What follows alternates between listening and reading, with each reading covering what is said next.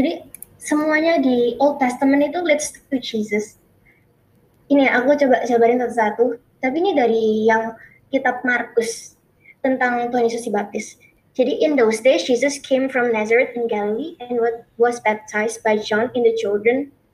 Itu sama kayak ceritanya Yosua waktu dia melewati sungai Yordan, terus immediately coming up out of the water, waktu Tuhan Yesus keluar dari air itu, itu tuh sama sama ceritanya waktu bangsa Israel tuh itu yang keluar dari Red Sea waktu Moses lead them membelah laut itu.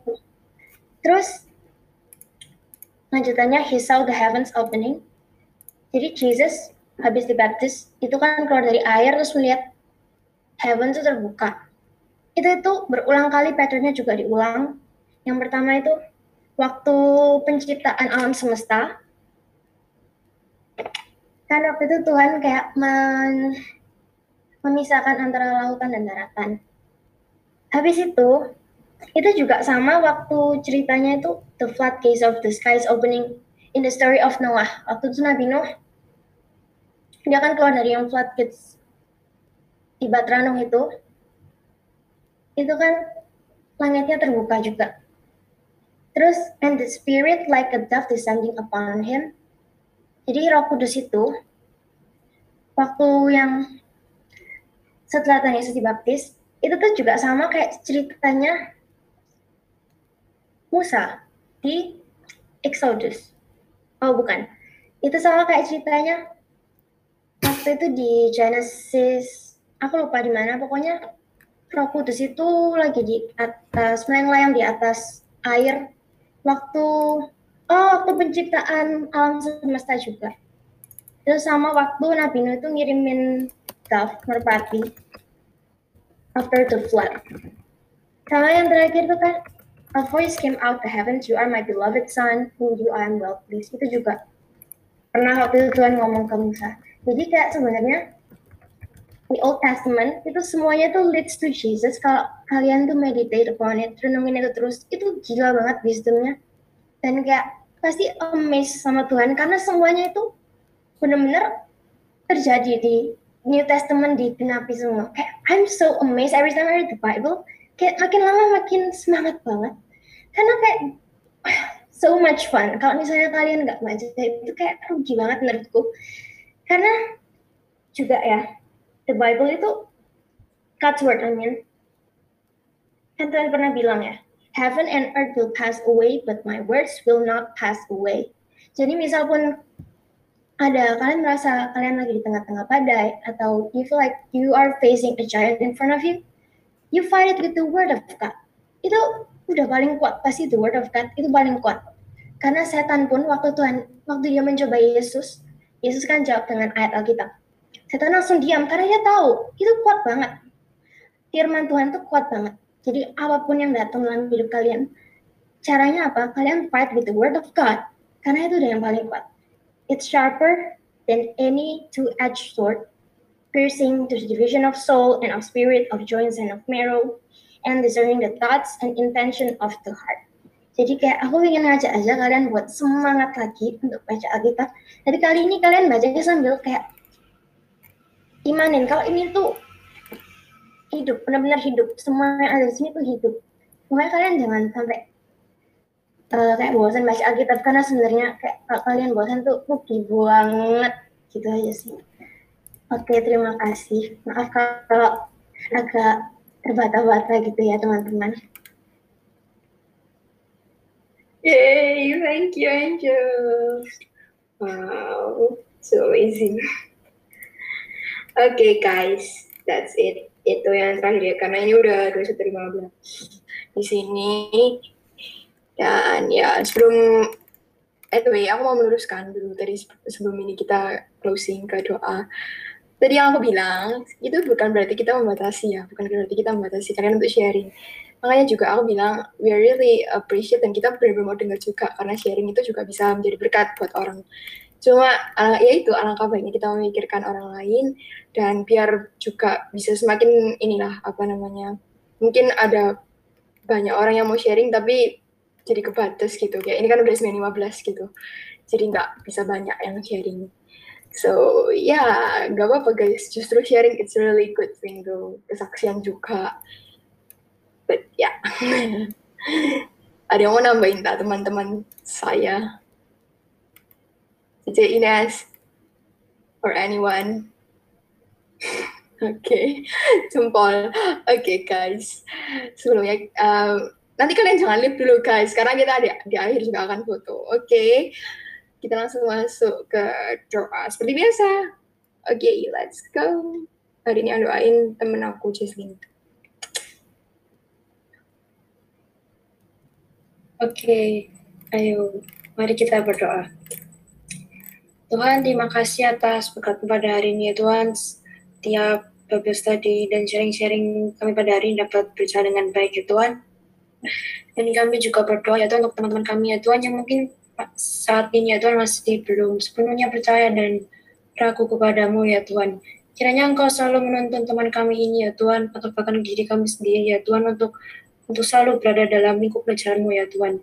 Buatlah kami untuk sadar ya Tuhan dan percaya Tuhan bahwa kuasa dan kasihmu ini sungguh luar biasa ya Tuhan sehingga kami ini bisa menjadi lebih dekat dan percaya kepadamu lebih dan lebih lagi ya Tuhan. Dan kami juga berdoa untuk teman kami yang sekarang ini masih susah untuk mengontrol emosi ya Tuhan, dan susah untuk melepas dari kebiasaan-kebiasaan buruknya ya Tuhan. Uh, mungkin sekarang berasa kayak susah ya Tuhan untuk lepas dari segala kebiasaan buruk atau bahkan dosa-dosa yang kami perbuat ya Tuhan.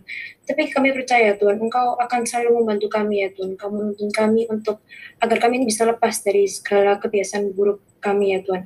Kuatkanlah iman kami ya Tuhan agar tidak tergoyah untuk melakukannya lagi ya dan dan bertobat ya Tuhan.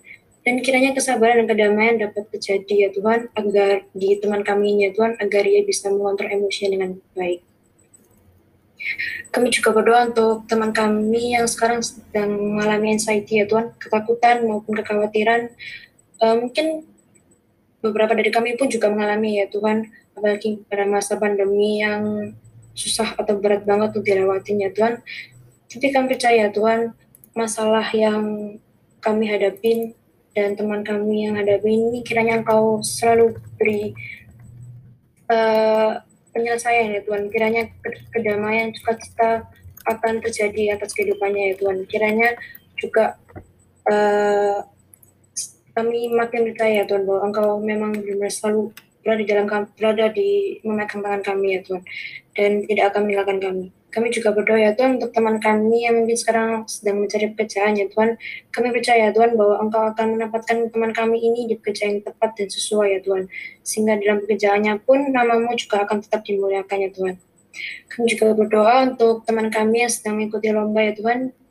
Kiranya segala persiapan maupun latihan maupun di saat hari hal perlombaan ya Tuhan dapat berjalan dengan lancar sehingga teman kami ini bisa memenangkan perlombaan ini dengan baik ya Tuhan kami juga berdoa untuk teman kami yang sedang apply beasiswa di BCA ya Tuhan atau apply di beasiswa, beasiswa di perkuliahan mana pun ya Tuhan kiranya Engkau berkati teman-teman kami ya Tuhan kiranya segala persiapan maupun pembelajaran dapat berjalan dengan baik sehingga teman kami bisa diterima di, di beasiswa BCA ini.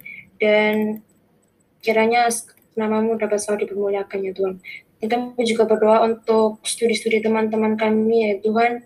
Kiranya setiap ulangan UTPK maupun internship yang teman kami jalankan ini ya Tuhan, kiranya Engkau berkati setiap persiapannya Tuhan agar dapat berjalan dengan lancar sehingga dapat mengerjakan setiap soal dengan baik dan mendapatkan hasil yang memuaskan. Kami juga berdoa ya Tuhan untuk beberapa dari kami atau bahkan diri kami sendiri ya Tuhan yang masih takut ya Tuhan, masih bingung terhadap masa depan kami ya Tuhan. Kiranya segala ketakutan yang, ketakutan yang sedang kami hadapi ya Tuhan dapat hilang ya Tuhan. Karena kami percaya Tuhan bahwa masa depan telah Engkau persiapkan yang terbaik untuk kami ya Tuhan. Dan kami juga berdoa untuk kesehatan-kesehatan kami ya Tuhan, mulai dari uh, kami sendiri-sendiri, saudara, papa, mama, dan yang lain-lain yang mungkin sekarang terkena COVID maupun punya penyakit serius lainnya ya Tuhan. Mungkin sekarang kelihatannya mustahil untuk terjadi ya Tuhan, tapi kami percaya Tuhan kesembuhan akan terjadi di atas kami maupun saudara-saudara kami dan kiranya pandemi dapat berakhir gitu secepatnya ya Tuhan sehingga kami semua bisa kembali beraktivitas seperti beraktivitas seperti biasanya ya Tuhan. Kami juga berdoa untuk keluarga teman kami yang terkena masalah ya Tuhan, apalagi pada masa pandemi ini banyak sekali masalah-masalah yang terjadi uh, dalam mungkin dalam diri, diri kita sendiri maupun dalam keluarga. Kiranya segala masalah ini dapat diselesaikan dengan baik ya Tuhan, karena kami percaya Engkau selalu bersama dengan kami dan selalu memegang tangan kami ya Tuhan. Dan kami juga berdoa untuk uh, masalah finansial ya Tuhan. Mungkin uh, baik banget karena uh, dampak dari pandemi ya Tuhan banyak banget finansial yang turun banyak banget yang keuangan yang turun ya Tuhan tapi kami percaya ya Tuhan Engkau akan selalu menyertai kami ya Tuhan Engkau tidak akan membiarkan kami terjatuh Engkau tidak akan membiarkan kami sampai tidak bisa makan ya Tuhan kiranya uh, ekonomi kami dapat kembali pulih ya Tuhan. Kami juga berdoa untuk Bapak Studi ini ya Tuhan. Bersyukur banget hingga saat ini Bapak Studi ini bisa dilakukan setiap minggunya ya Tuhan.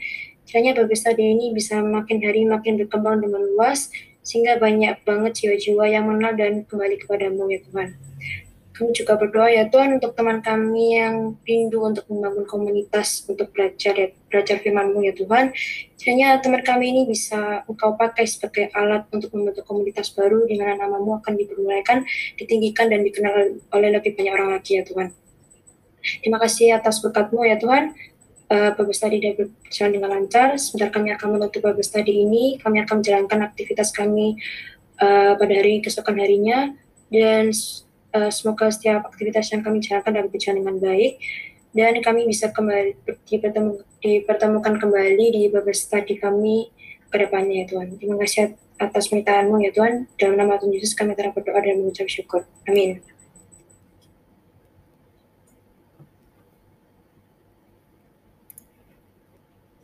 Shalom teman-teman, yay!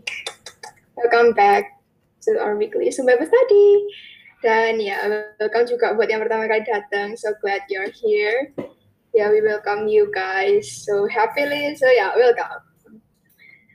Jadi hari ini kita balik akan baca Alkitab bareng. Setelah sekian lama kita nggak balik ke Lukas. Oke, okay, sekarang kita buat yang baru join kita baca Lukas dulu karena Lukas sini it's a great um, start kalau buat yang baru baca Alkitab baru mulai dari lahirnya Tuhan dan ya kita sekarang baca Lukas 3 karena kita kemarin udah pernah Lukas 1 sama Lukas 2 oke boleh disiapin dulu Bible-nya dan seperti biasa we are asking for volunteer buat baca kitab ini sampai berapa Lukas 3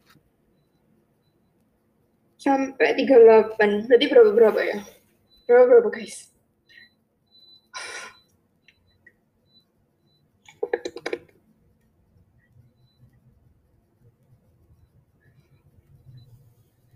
Tiga delapan.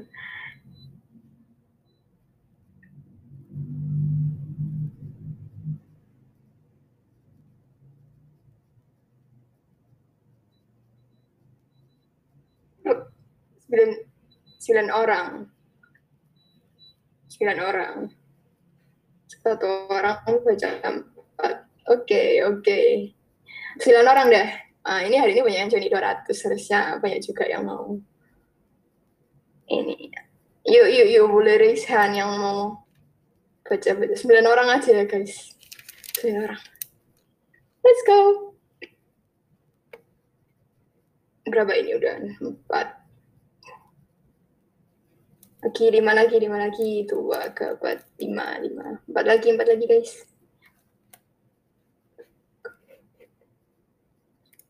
Dua orang lagi dua orang lagi dong tes tes dua orang lagi?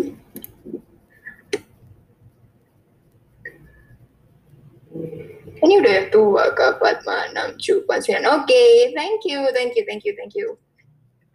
Jadi ini ya, tak tulis ya, yang dari aku.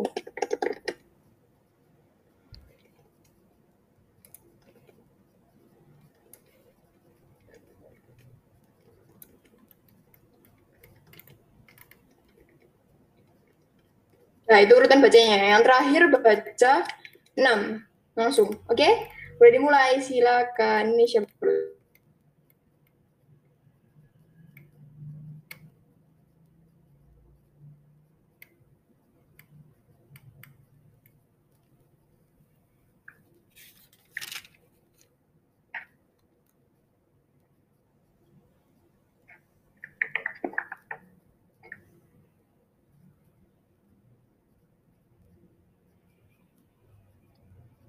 Lukas 3 ayat 1 ya, itu yang judul Yohanes Pembaptis. Dalam nama Tuhan, saya ulang, dalam tahun ke-15 dari pemerintahan Kaisar Tiberius ketika Pontius Pilatus menjadi wali negeri Yudea dan Herodes raja wilayah Gilea, Filipus saudaranya raja wilayah Iturea dan Takonitis dan Lisanias raja wilayah Abilene. Pada waktu itu Hanas dan Kayafas menjadi imam besar. Datanglah firman Allah kepada Yohanes, anak Zakaria di padang gurun. Maka datanglah Yohanes ke seluruh daerah Yordan dan menyerukan, Bertobatlah dan berilah dirimu dibaptis dan Allah akan mengampuni dosamu. Seperti ada tertulis dalam kitab nubuat-nubuat Yesaya, ada suaranya yang berseru-seru di padang gurun. Persiapkanlah jalan untuk Tuhan, luruskanlah jalan baginya. Ayat 5 Setiap lembah akan ditimbun dan setiap gunung dan bukit akan menjadi rata yang berliku-liku akan diluruskan, yang berlekuk-lekuk akan diratakan. Dan semua orang akan melihat keselamatan yang dari Tuhan. Lalu ia berkata kepada orang banyak yang datang kepadanya untuk dibaptis. Katanya, Hai kamu keturunan ular beludak, siapakah yang mengatakan kepada kamu melarikan, melarikan diri dari murka yang akan datang? Jadi hasilkanlah buah-buah yang sesuai dengan pertobatan dan janganlah berpikir dalam hatimu Abraham, Abraham adalah bapa kami. Karena aku berkata kepadamu, Allah dapat menjadikan anak-anak bagi Abraham dari batu-batu ini.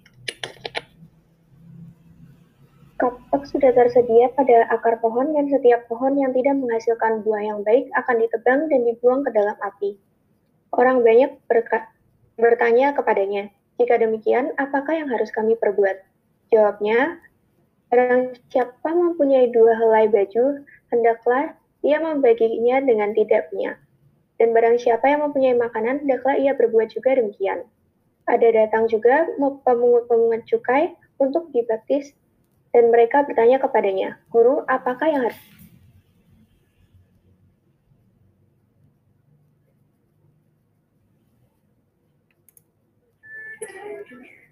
Jawabnya, Jangan menagih lebih banyak daripada yang telah ditentukan bagimu.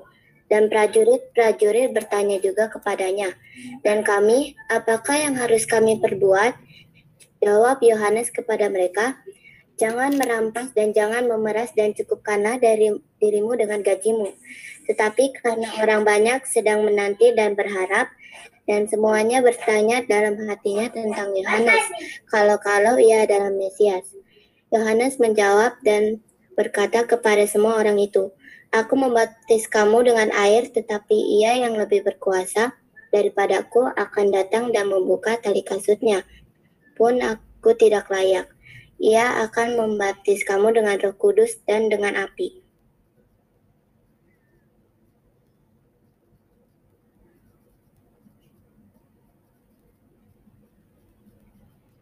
Alat alat penampinya sudah di tangannya untuk membersihkan tempat pengirikannya dan untuk mengumpulkan gandumnya ke dalam lumbungnya.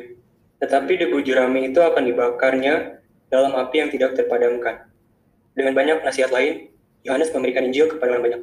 Akan tetapi setelah ia menegur Raja wilayah Herodes karena peristiwa Herodias, istri saudaranya, dan karena segala kejahatan lain yang dilakukannya. Raja itu menambah kejahatannya dengan memasukkan Yohanes ke dalam penjara.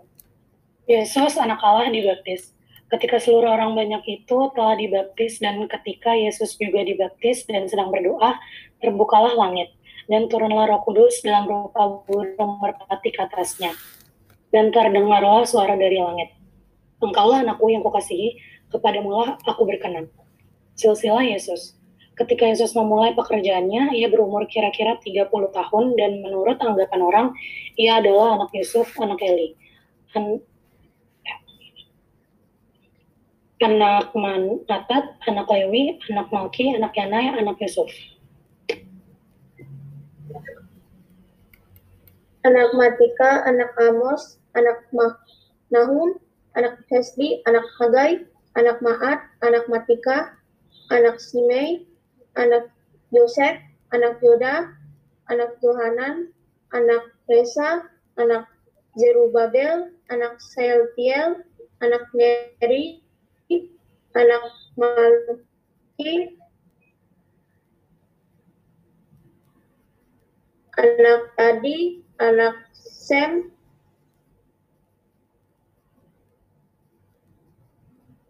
anak El, anak Er. anak Yesua, anak Eliezer, anak Yorim, anak Matat, anak Lewi, anak Simeon, anak Yehuda, anak Yusuf, anak Yoman, anak Eliakim, anak Melea, anak Mina, anak Matata, anak Nathan, anak Daud, anak Isai, anak Obed, anak Boas, anak Salmon, anak Nahason.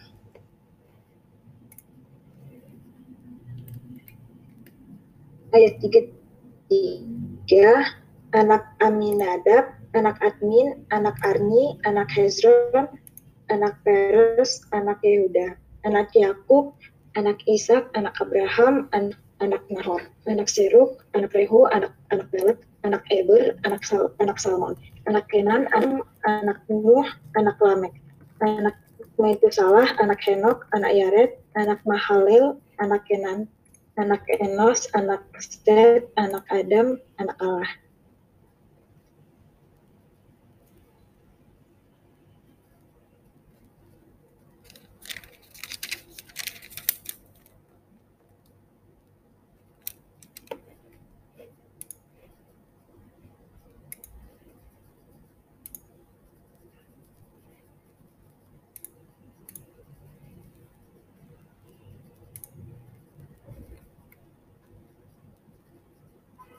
Oke, okay, yay, thank you buat yang udah bantu baca. So, ya. Yeah. ini dari yang aku dapat ya, kalau dari Lukas 3 ini. Ya kita tahu gimana journey Tuhan juga, Yesus juga di waktu dia lahir dunia ini. Dan di sini kita juga bisa lihat Tuhan Yesus dibaptis di sini. Dan di sini kita juga bisa tahu gitu di mana ini juga salah satu um, contoh kalau Tuhan Yesus itu, Yesus to be exact, itu menuruti kehendak Bapa yaitu dengan baptis itu. Dan di sini juga dibilang um, dan apa dibilang apa itu yang itu itu itu, itu.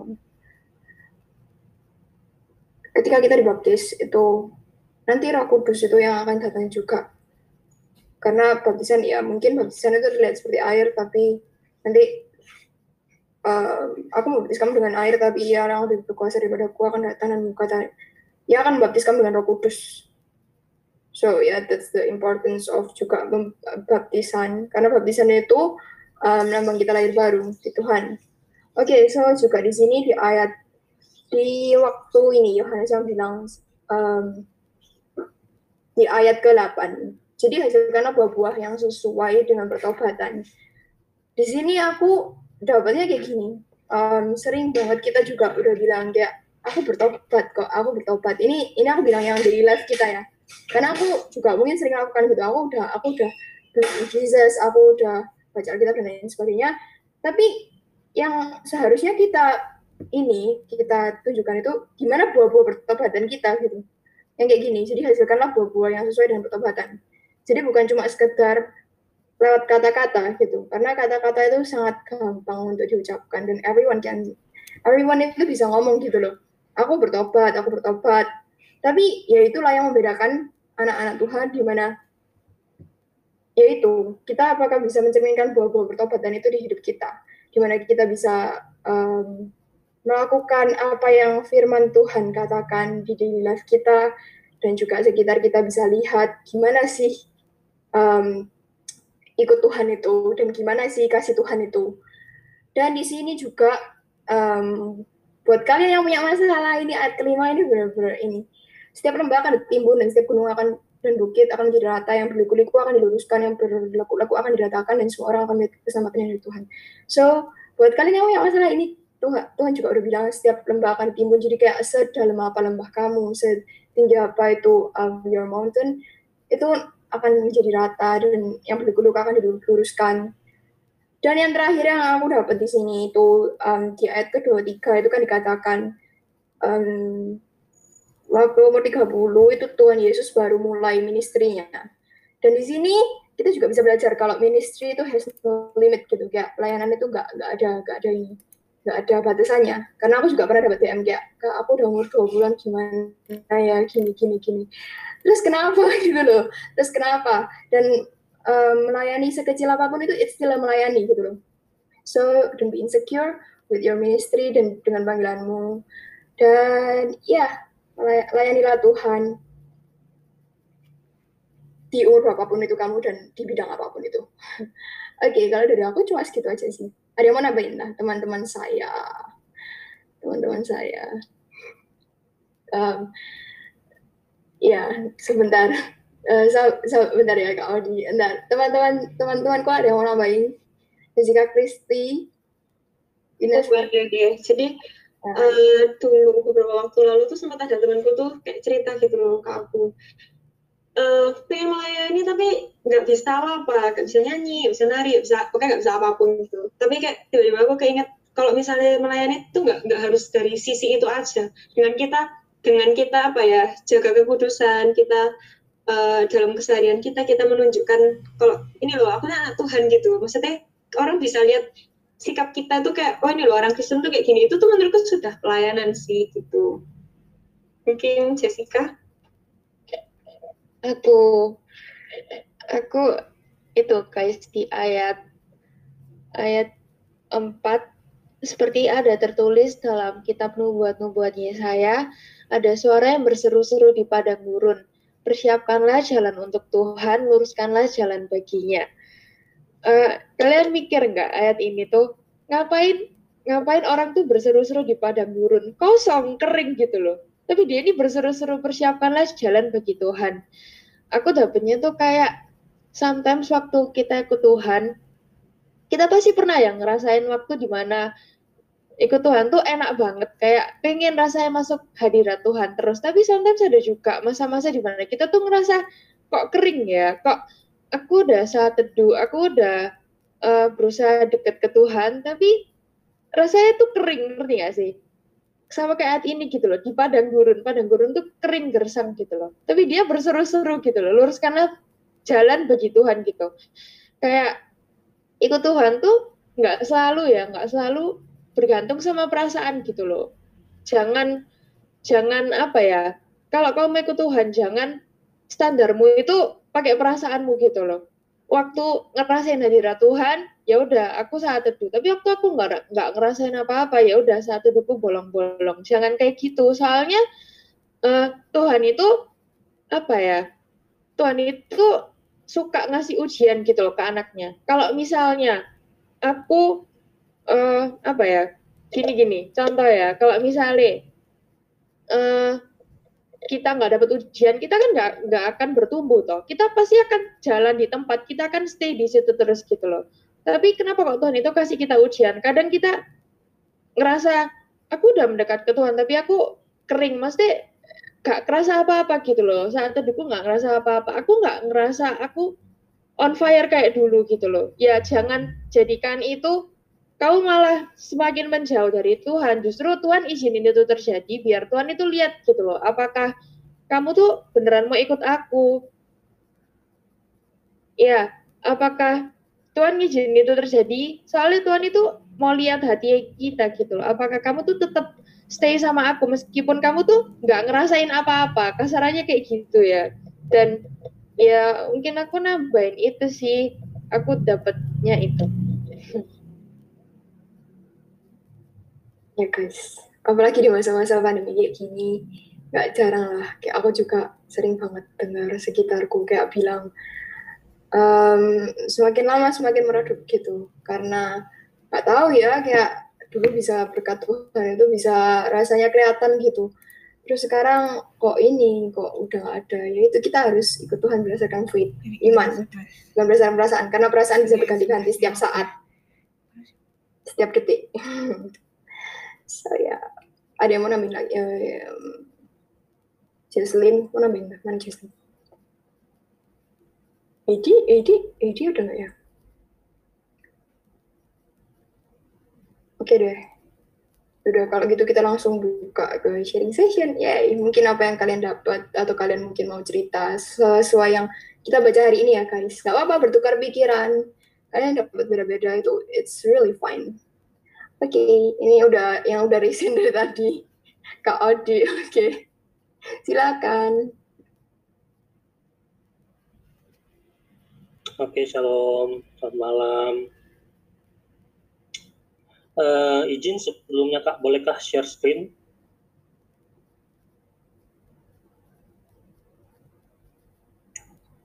Share screen apa ini Kak? Uh, Zoom, share, share share screen Zoom. Maksudnya apa yang udah share screen? Uh, ya, yeah, about Lukas pasal 3. Uh, uh, PowerPoint. Oke, okay, oke. Okay. Oke okay, guys, it's okay kalau kalian punya PowerPoint. Wow, I really appreciate antusiasnya.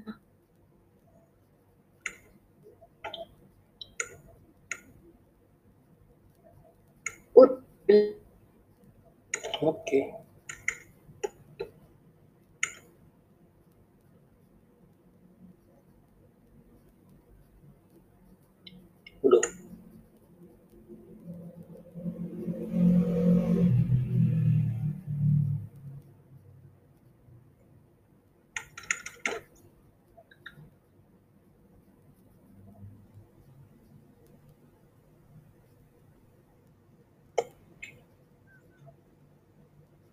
Waduh, error kak.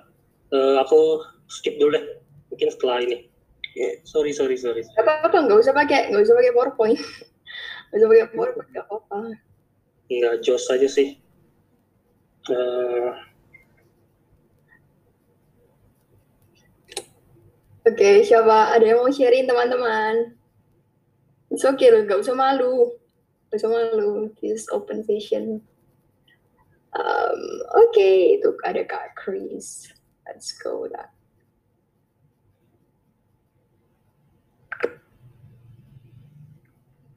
Oke. Okay. Yang aku dapat sih begini ya di ayat 16 bukan aku lebih lebih melihat dia harus menjawab dan berkata kepada semua orang itu aku membaptis kamu dengan air tetapi dia yang lebih berkuasa daripada aku akan datang dan buka tali kasutnya pun aku tidak layak. Jadi di situ kita bisa melihat juga bahwa Yohanes pada waktu itu ditinggi-tinggikan loh sama orang-orang. Tapi ya berkat Tuhan dia juga masih masih ingat siapa dirinya gitu. Dia masih juga uh, tetap merendah. Sama seperti apa yang Tuhan Yesus lakukan nantinya ya kan? Dan kemudian juga di r 5 sama kayak yang sebelumnya tadi setiap lembah akan ditimbun dan setiap gunung akan dan bukit akan menjadi rata. Yang beliku-liku akan diluruskan yang berlekuk-lekuk akan diratakan. Menjadi kan uh, di sini juga ini ya mungkin ber apa ya setiap lembah akan ditimbun gitu kan apa ya kayak setiap kita apa ya keadaannya itu kan juga berapi-api atau membara gitu kan. Tapi kadang kita juga jatuh gitu kan. Itu juga dan ketika jatuh itu jangan ragu untuk datang kepada Tuhan gitu loh. Karena di di Matius berapa aku juga lupa itu Yesus menyebutkan bahwa yang membutuhkan uh, tabib itu bukan orang sehat tapi orang sakit. Gitu. Jadi karena sering kali ya ini aku juga merasakan sih ketika ketika aku jatuh aku merasa nggak pantas gitu. Tapi kalau aku merasa nggak pantas terus gimana Tuhan mau berkarya dalam hidupku gitu loh. Jadi ya ya udah datang aja ke Tuhan dengan terbuka dengan kerendahan hati datang aja ke Tuhan dan juga sharing aja ke Tuhan apa yang kamu rasakan, apa yang kamu alami, kamu mau nangis, kamu mau teriak-teriak, terus kamu yang penting ya lepasin aja lah gitu ya. terus juga mungkin juga mau sharing boleh kan oke Eh, ini aku juga sekalian nanti tolong didoakan juga ya. Soalnya eh, ada satu kerinduan di hidupku ini kayak aku dulu sempat sempat mulai sempat mulai pelayanan di bukan pelayanan sih mungkin ya cuma ngajak teman-temanku untuk eh, Bible reading untuk PA bareng gitu kan di teman-teman gerejaku pemuda di gerejaku. Jadi dan sekarang ini udah mulai apa ya ya terdampak pandemi inilah ya. Jadi agak sulit untuk untuk ketemuan lagi untuk eh, mulai itu lagi untuk meeting lagi gitu kan. Tapi aku ada kerinduan lagi untuk apa mulai dulu dari kelompok kecilku yang ada di pemuda gereja ini. Untuk kayak mungkin mulai Bible reading dulu lah ya. Yang yang simpel simpel aja dulu nanti juga lama kelamaan juga pasti akan ditambah ditambah lagi sih. Aku percaya itu dan aku percaya percaya pada Tuhan. Dan aku ingin ya seperti apa yang kalau 3 ayat 23 katakan yaitu apa pun juga yang kamu perbuat perbuatlah dengan sepenuh hatimu untuk Tuhan dan bukan untuk manusia oh iya satu lagi ketika mungkin ketika kita jatuh bangun dalam dosa ini ini ada satu refleksi yang pernah aku baca bahwa eh, jika Tuhan jika Yesus yang adalah Tuhan mau dan rela merendahkan dirinya dan mati bagi kita di atas kayu salib lalu kenapa kita nggak mau mati bagi diri kita sendiri terima kasih Yay, thank you, Kak Chris. Ini nanti minta ini juga ya, request, ya doain juga ya. Minta bantu doa. Yep. Um, apa tuh spesifiknya? yang itu tadi kerinduan untuk eh, untuk bangun Ini, ya ya. apa kalau kalau baru reading tadi Itu, just nanti nanti, akan bantu doa. Oke, thank you. Nice, nice, nice, nice. Bisa pergi dulu nggak? Kak Audi udah siap. Oke, then. Jadi